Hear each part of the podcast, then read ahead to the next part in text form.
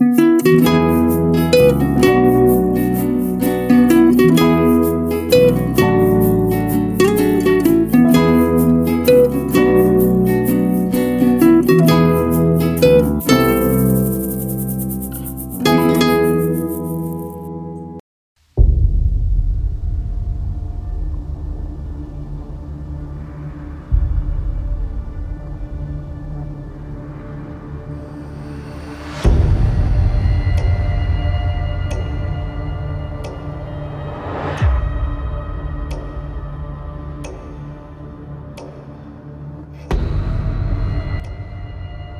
semua, balik lagi di podcast Sam Story Sebuah cerita yang inspirasi barengan dengan Adam. Dan kali ini gue ditemuin sama Agatha Hari ini podcaster baru Episode sebelumnya juga kayaknya ada sih Tapi mungkin lo akan mendengar suara Agatha ke depan juga. Jadi memang setelah kita juga ngadain rekrutmen kemarin, kita dapat beberapa teman-teman baru yang akan mengisi di Sound Story gitu ya. Selain mungkin ada Irfan gue dan Kin atau Nana gitu nanti. Dan seperti biasa, kali ini kita akan membahas suatu hal yang sangat menarik gitu ya. Dan pastinya seru banget gitu karena ini sebenarnya out of the box banget sih ini kita bahas lagi ini kita pernah bahas ini tahun lalu ya sebelum kita ngobrol tentang topik kita yang hangat gitu ya hangat atau iya hangat sih hangat diperbincangkan sama masyarakat luas, aku mau ngasih info buat teman-teman semuanya. Kalau teman-teman ingin berpodcast juga kayak kita, teman-teman bisa pakai nih aplikasi yang namanya Anchor, aplikasi yang gue gunain untuk membuat dan nge-publish show ini. Untuk ngasih tahu kamu kalau ternyata membuat podcast itu gampang banget dan 100% gratis. Selain gampang banget digunain, semuanya yang kita perluin untuk membuat podcast juga ada di dalam Anchor, termasuk untuk distribusi ke Spotify atau platform podcast lainnya, terus ada editing, recording, nambahin bumper, dan juga closing. Yuk download aplikasi Anchor dan bikin podcast kamu segera. Episode kali ini kan masih suasana horor, membesar kita horor di season 8 ini dan mau mungkin dua episode sebelumnya kita bahas soal Digo dan juga soal ilmu gaib serta ilmu panglaris ya gitu. Mungkin kali ini kita akan membahas soal sesuatu hal yang deket banget nih sama mahasiswa gitu ya. Mungkin ini program yang gak pernah gue rasain gitu kalau misalnya gue disuruh untuk di di satu desa cuman di kampus gue tuh ada program pengabdian gitu ya. Tapi bukan di desa. Waktu itu ya itu bebas tapi selama di Jabodetabek gitu sih. Jadi emang gak merasa vibe-nya. Malah gue ngerasainnya lebih ke program kayak pengembang budaya itu malah ke luar negeri bukan ke daerah gitu ya. Jadi ini lebih kepada apa yang gue tonton. Jadi kemarin sempet rame juga kita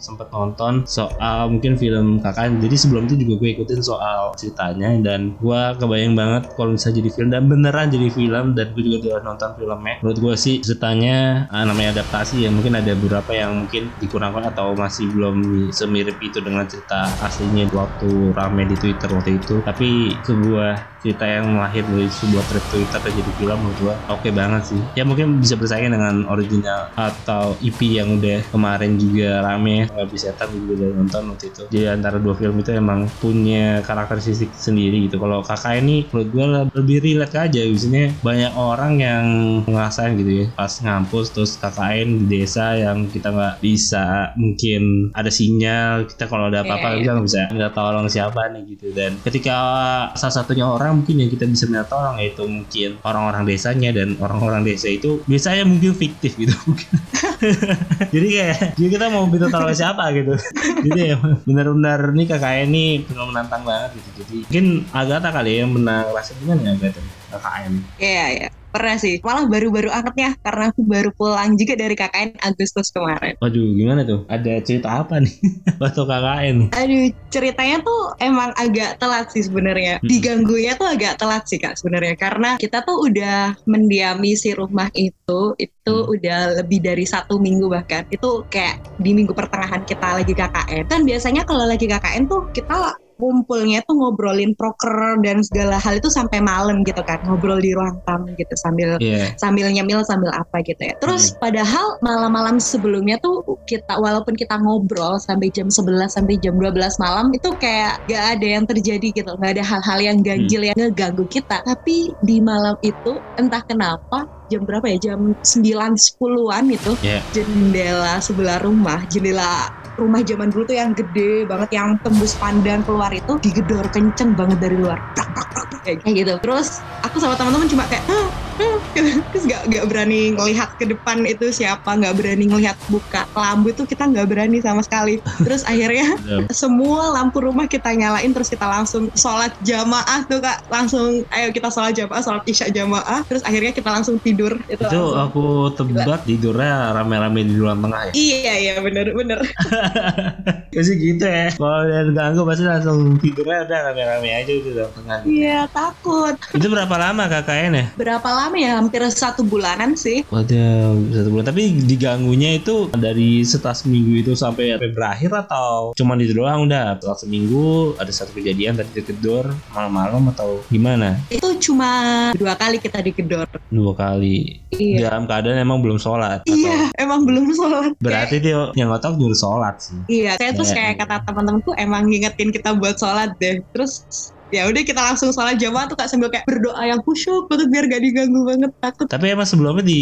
des di mana sih KKN-nya dan emang sebelumnya ada cerita atau gimana? KKN-nya masih di wilayah Jawa Timur sih, tapi ya yang agak ke mana ya? Aduh aku nggak tahu nih dia daerah timur atau daerah mana. Tapi masih di Jawa Timur gitu, di Hmm, kabupaten gitu. Oh di Barada Puhi bukan itu? Bukan, bukan, bukan yang rumor-rumornya itu bukan. bukan ya bukan ya jadi ini dalam bentuk gangguan itu digedor dua kali disuruh sholat gitu ya berarti ya Biasanya udah gak ada lagi emang dan emang desa itu abang gak ada cerita apa apa gitu abang atau enggak warga cerita emang ada hantu pengingat sholat ya atau eh gimana gitu Nggak ada, Kak. Nggak ada sih. Tapi pas pertengahan kita habis cerita itu kan kita cerita nih ke kelompok-kelompok lainnya soal itu. Dan ternyata kelompok lainnya tuh nemuin satu thread di Twitter tentang desa yang kita tempat tinggalin itu thread horor gitu. Jadi kita makin kayak anjir gimana nih kayak itu bener-bener ada video orang nangis gitu kayak cewek nangis gitu. Terus ada video kayak kedengeran apa kayak telapak kaki bareng jalan gitu. Gitu. Aduh itu gila sih. waduh cerita di Twitter itu gimana sih Oh, waktu itu yang tentang desa itu ceritanya itu sama sih tapi dia tuh bedanya bukan lagi KKN dia tuh lagi ini kayak LDK gitu kak pelatihan desa oh kepemimpinan iya gitu iya iya Ah, terus terus terus terus di situ kayak ada bumi perkemahan gitu kan memang terus katanya di deket-deket situ di desa Hmm. yang bukan desa sih di dusun yang mereka tempatin buat LDK itu ternyata anak-anaknya tuh ngedenger ini tiap malam ngedenger ada yang nangis terus ngedenger ada kayak pasukan jalan gitu terus ternyata di videoin terus dibikin thread gitu di Hmm. Twitter dan itu di share ke grup maksudnya ke grup kita satu desa gitu kayak wah kita teman-teman kayak wah yaudah kita harus banyak-banyak berdoa biar selamat sampai akhir Waduh, waduh, waduh. Jadi nggak sengaja liat buka Twitter terus semua thread ada cerita horor tentang desa yang kamu lagi tempat KKN gitu ya. iya iya iya benar. Kalau langsung nemu itu aku langsung minta pulang. Kita nggak bisa ya. pulang nih kayak itu, kalau kebayang terus. Mungkin ya kayak biasa kita tiap episodenya mungkin ditemenin oleh gestar untuk membahas satu topik gitu ya. Kali ini ada Kak Husna. Halo, apa kabar Kak? Halo, baik. Lagi sibuk apa nih kira-kira nih Kak Husna? Kalau sekarang nih aku cuman lagi sibuk konten, terus sebenarnya konten itu sampingan aja sih. Saya lagi sibuk skripsian mahasiswa akhir. Kakak sebenarnya bikin konten apa sih Se- sehari-hari ini mungkin boleh diceritain nggak? Ya sebenarnya konten aku itu temanya informasi sih. Mm-mm. Tapi karena aku lihat peminat yang kayak informasi biasa itu jarang-jarang gitu. Tapi kemarin saya post eh, tentang informasi horor gitu kayak semacam teori konspirasi. Mm. kayak peminatnya tuh kayak bertambah videonya mulai FYP lebih besar lagi penontonnya gitu jadi ini khususin deh konten saya itu teori konspirasi aja gitu peminatnya banyak penontonnya Oh, oke oke. Hmm, Mungkin ya, karena kan kita juga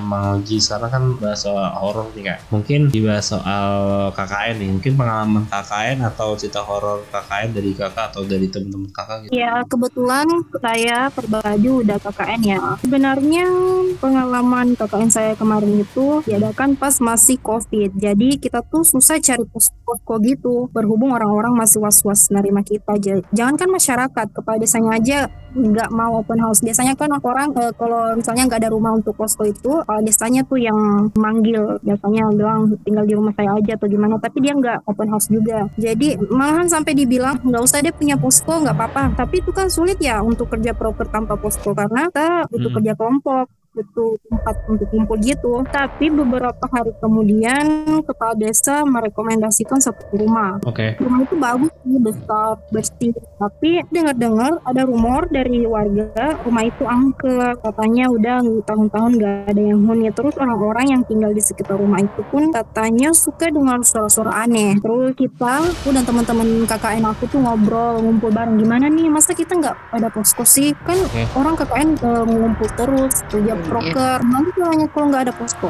Terus daripada kita tinggal di tempat angker, mending nggak usah punya posko aja. Ya udah kita putus tinggal di rumah masing-masing. Agak jauh sih jaraknya, cuman ya nggak apa-apa lah. Ada usaha juga untuk ke lokasi. Itu aja sih. Oke, jadi emang rumornya rumah itu angkernya gimana sih? Maksudnya apa yang terjadi dengan sejarah rumah itu mungkin gitu? Rumah itu hanya udah beberapa tahun nggak ada yang tinggalin. Hmm. Terus warga-warga yang tinggal tetangga-tetangga rumah itu sering dengar hal-hal aneh kayak suara suara, suara bayi nangis, cewek nangis, ketawa gitu. Hmm. Jadi ini laporan dari penghuni rumah itu bilangnya gitu. Terus dia bilang kalau kalian nggak takut ya nggak apa-apa. Berhubung rumah itu bersih besar, kalian tinggal bisa tinggal di situ. Tapi kita kan nggak mau nanggung kan ngeri juga kan kalau dengar suara-suara gitu malam-malam. Rame sih kita rame sama teman-teman tapi nggak kali untuk dengar-dengar hal-hal kayak gitu.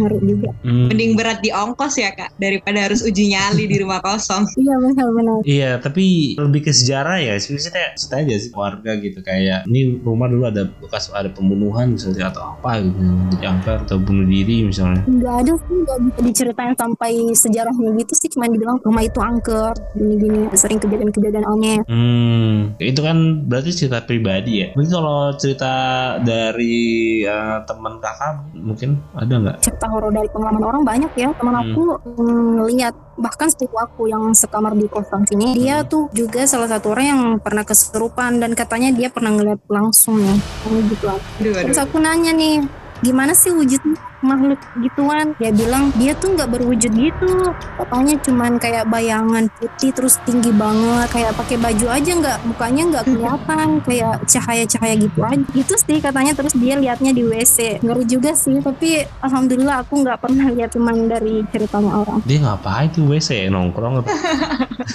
ngapain sih? Maksudnya apa sih dia? Nongkrong di WC tuh buat apa gitu? Gak ada kafe lain apa selain WC?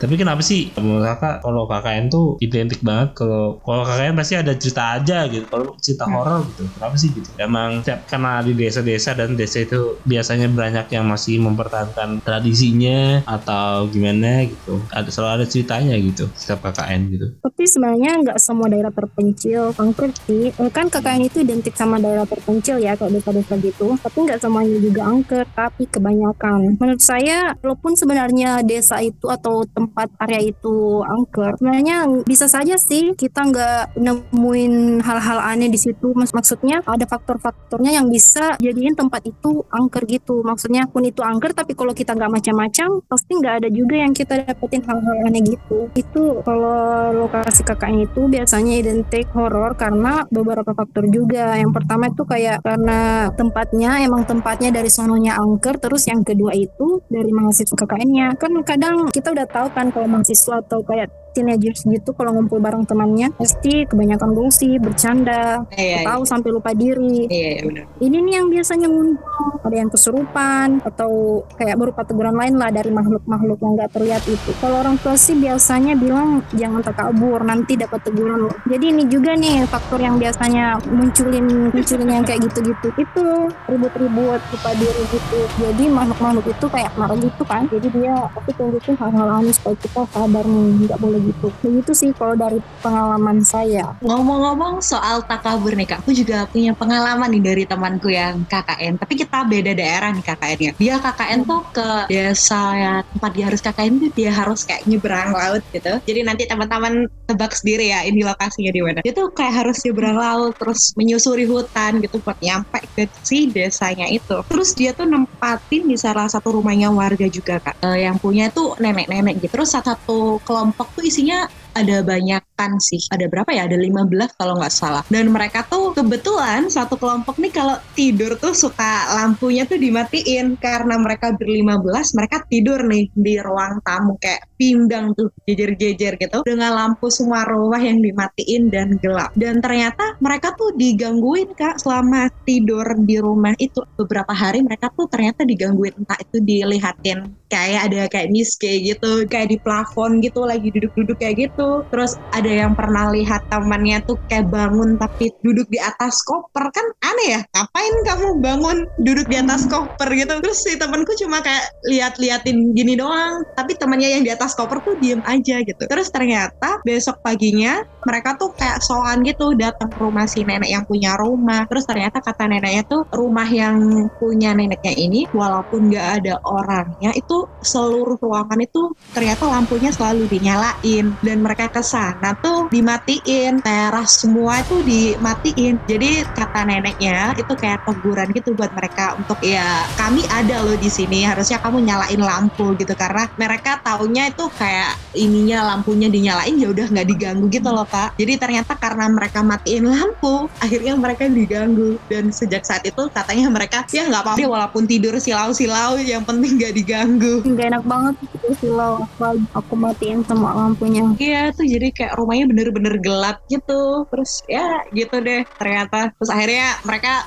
rumahnya terang benerang Walaupun siang juga dinyalain sama mereka lampunya Jadi definisinya berarti hantu tak lampu ya atau gimana sih? Pas terang gitu, jadi gak diganggu gitu. Definisinya gimana sih? Jadi setan tuh di Indonesia tuh kayak Dracula gitu, takut bahaya atau gimana sih? Kayaknya karena kebiasaan deh keadaan Maksudnya kayak Hmm. karena memang si neneknya dari dulu tuh kayak ya walaupun ada orang nggak ada orang Hmm. lampunya dinyalain gitu kayak sebagai pertanda gitu loh. Terus tiba-tiba Hmm. lampunya dimatiin mungkin ya itu bentuk protes dari mereka gitu loh. Aku biasa di sini tuh terang terus kenapa kalian tiba-tiba masuk kayak tanpa permisi matiin lampu? Kayaknya gitu deh bentuk protes dari mereka gitu loh. Oh gitu ya, demonya ini ya gangguin ya kalau mampu ini. Gabut banget tuh hantu ya. Mungkin cerita KKN ada lagi nih dari teman kamu nih mungkin. oh ceritanya ada lagi aduh banyak banget ini di satu daerah yang sama nih kak Mhm. Jadi karena mereka tuh ke desanya harus ngelewatin hutan dan itu hutannya kayak panjang banget dan itu hampir nggak ada lampu jalan yang nerangin mereka gitu. Jadi gelap banget dan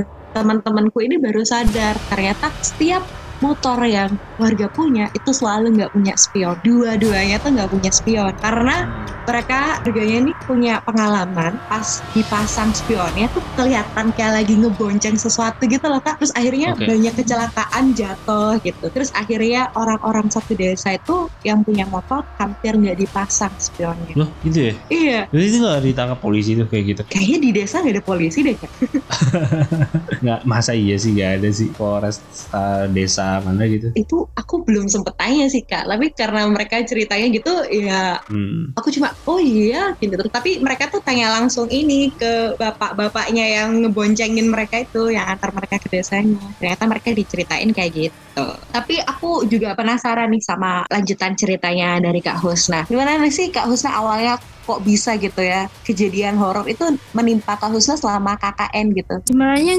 bukan ngaruh banget sebenarnya nggak horor-horor banget karena kan kita nggak tinggal di rumah itu kan jadi kita nggak ngerasain tuh horornya. Cuman itu tuh ngaruh banget sama proker kita karena susah gitu ngejalanin tanpa posko. Kita tuh KKN satu bulanan lebih kayaknya satu bulan setengah. Terus nggak ada posko. Kebayang kan susahnya gimana? Iya iya. Jadi karena kejadian hal itu banyak program kerja kita yang nggak jalan karena susahnya gitu ngumpul nggak ada posko. Jadi banyak banget yang terbengkalai gitu karena kita ngajuin ke kepala desanya juga nggak di ini nggak direspon gitu kayak acuh aja sih kepala desanya itu. Masa sih nggak ada satu rumah pun yang bisa ditempatin gitu? Masa Iya, harus keluarin yang angker itu? biasanya tuh kayak di ya, di balai desa tuh biasanya ada kayak rumah dinas gitu yang nggak kepake itu juga nggak ada kak di sana nggak ada ini kayaknya karena ini sih desanya terpencil banget kecil juga jadi mungkin yang gitu-gituan nggak ada sih. Oh gitu, jadi nggak ada opsi lain ya selain ya mau nggak mau harus di rumah angker itu. ke rumah warga juga kan warga pada nggak mau masih was-was kita karantina nih masa kamu enaknya datang nanti kamu bawa virus lagi Berarti selama hampir satu bulan tuh PP ya kak dari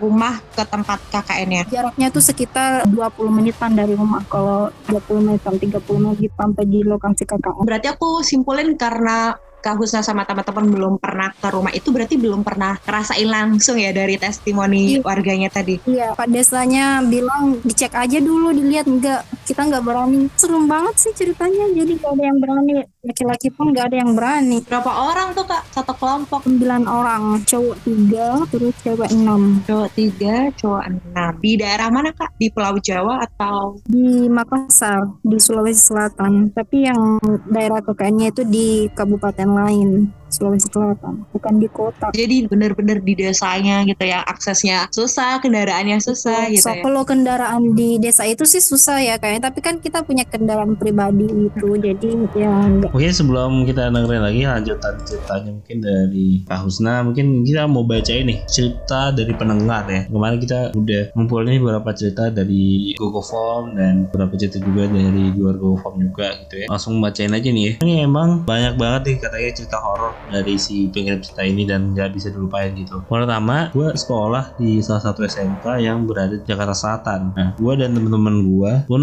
udah naik ke 12 dan lanjutkan untuk PKL pada saat itu PKL apa sih? PKL tuh sebutan dari? PKL tuh apa? Eh, kerja praktek kerja lapangan. Oh, praktek kerja lapangan. Oke. Iya, iya. Nah, kita PKL di salah satu universitas yaitu UI ya di Depok gitu. Nah, kita PKL di sana dibagi tiga divisi. Gue ada teman-teman gue ada lima orang dalam satu kelompok. Nah untuk PKL di UI ini kebetulan gue ditaruh di salah satu divisi dan gue sendiri gak ada temen. Kasian banget. Kayak gini horor gak ada temen deh. Lebih ke ngenes kak. Iya, teman-teman gue semua dipencat di divisi lain. Waktu itu gue disuruh nganter surat ke ruang dosen. Di lorong dosen itu kayak melingkar gitu deh, sepi banget. Kalau kalian tahu mah, kebetulan gue pakai sepatu pantofel. Kalau yang jalan pasti suaranya kedengaran banget kayak teplek teplek gitu di lorong itu. Nah, saat gue jalan di di belakang, gue juga ada bunyi suara pantofel dan jelas banget di lorong itu cuma ada gue sendiri. Dari situ gue mikir aneh-aneh lah langsung keluar dari lorong itu gue juga nggak ceritain ke teman-teman gue karena takut banget mereka juga nambah parno. Nah dan temen gue juga cerita di UI yang di divisi yang beda sama gue di satu ruangan itu cuma ada temen gue dua orang dan karena emang temen gue gak ada yang suka bercanda di ruangan itu mereka selalu bercanda berdua. Dan sewaktu ketika pas dia mau kunci ruangan itu di jendela ada cewek ngadep ke teman-teman gue dan yang dua orang ini ngeliatin teman-teman gue terus kayak tatapan kosong pakai rambutnya sebahu tapi muka mereka pucat juga. Nggak yang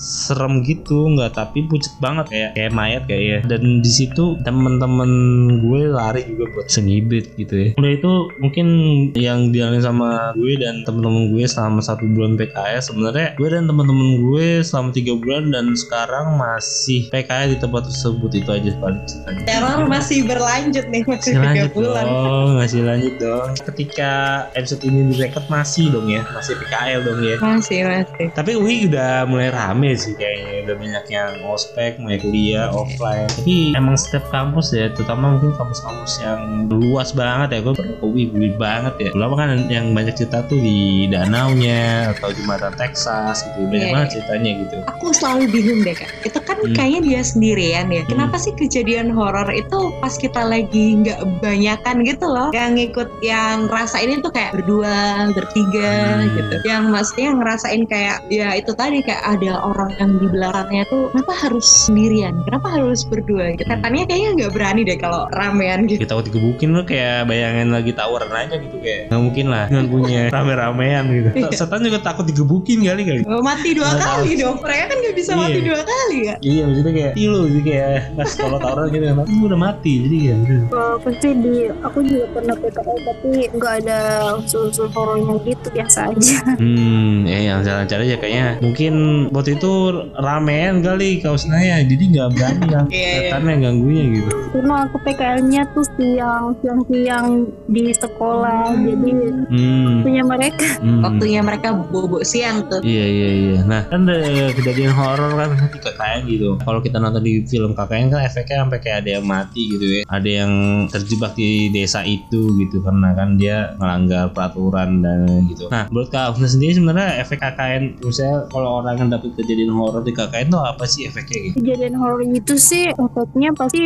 eh mahasiswa gitu ya pasti mereka tuh udah nggak mau lagi ke tempat-tempat terpencil gitu. Apalagi kalau dia orang orang kota pasti dia min- mindsetnya udah ditanam, ditanamin gitu. Kayak di desa itu angker gini-gini di tempat terpencil itu kayak gini. Padahal nggak semuanya kan kayak gitu. Pasti mereka udah kayak ada trauma gitu. Dan nantinya pas pulang diceritain lah sama teman-temannya yang kejadian-kejadian itu. Jadi orang semua pada mikir deh KKN emang gitu horor. Jadi itu yang buat KKN identik sama cerita-cerita horor. Jadi takut duluan gitu ya kak. Gara-gara denger berita yang ya simpang siur lah ya bisa dibilang. iya benar. Tapi gimana sih cara Kak Husna ngatasin kejadian horor itu selama KKN? caranya kalau aku sih caranya gampang aja sih. Kan aku orangnya bukan penakut diri ya jadi gak usah takut jangan dipikirin rajin berdoa ingat Tuhan gitu aja sih. Dan yang terpenting jangan pergi ke tempat-tempat yang emang direnakan terus bercanda yang wajarnya aja juga. Itu aja sih kalau aku emang mau terhindar dari hal-hal yang kayak gitu. Tapi biasanya sih kak, kalau aku tuh jadi makin penasaran gak sih? Buat makin diobrolin, dicari tahu, didatengin, gitu gak sih? ya Atau emang ini cuma aku aja doang nih yang takut tapi kayak aku misalnya takut nonton film horor tapi ya aku pengen nonton jadi tetap nonton gitu. sebenarnya takut juga sih tapi kan seru kayak takutnya tapi masih penasaran mau ngeliat tapi kayaknya takut Terus selain cara-cara tadi emang work sih Kak. kayak berdoa, terus jangan sampai ngomong-ngomong yang kayak sembarangan, celotehan yang macam-macam. Selain itu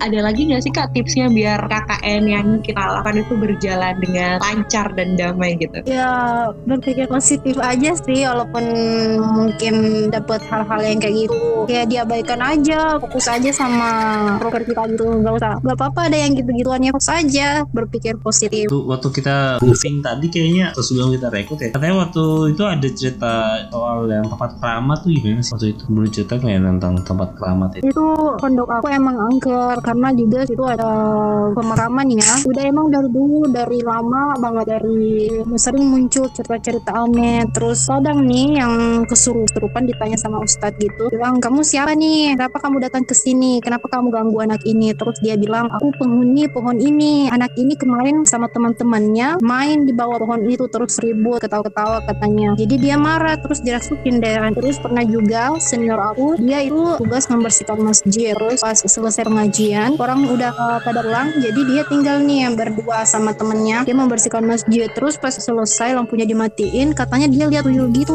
Gak tau sih benar atau enggak tapi dia ngelihat katanya tuyul itu lari-lari di belakang masjid gitu. terus karena takut mereka langsung pulang kok bisa gitu di pesantren? Angka tuh kenapa gitu? Karena ada banyak kuburan. Ini kuburan siapa yang dikubur sih? Kiai kiainya atau gimana? Orang umum ya Di dalam pesantren itu makamnya iya di area khusus. Agak lumayan aneh ya kayak bukan makam milik pesantren tapi ada di area pesantren. Tanah pesantren itu tanah warak gitu punya orang dulu yang disembangin gitu kan. Hmm, jadi kayak gitu yang waktu kemarin udah emang makam-makam itu udah ada. Terus di atas gunung lokasinya. Jadi kayak hutan-hutan. Ya lumayan ini juga sih ya. Ngeri juga sih kayak pesantren tapi kayak uji nyali ya. Iman lu kuat apa kagak ya jadi kayak Langsung dites di tempat. Iya, Masuk gak nih? gitu. Udah belajar agama nih masuk ke ilmunya. Langsung. kalau nggak kuat kesurupan gitu kan kayak ada Langsung banget gugur tahap pertama. iya iya iya, makanya Dari apa yang kita obrolin nih sama Kak Husna, bisa kita beri kesimpulan gitu ya buat tips nih buat teman-teman yang mau KKN biar nggak ada kejadian horor. Kayak yang aku dan teman-teman alamin atau yang Kak Husna alamin juga ya, biar terhindar gitu, biar KKN kalian berjalan aman dan lancar dan damai. Yang pertama nih kalian harus banyak-banyak berdoa, terus jangan bercanda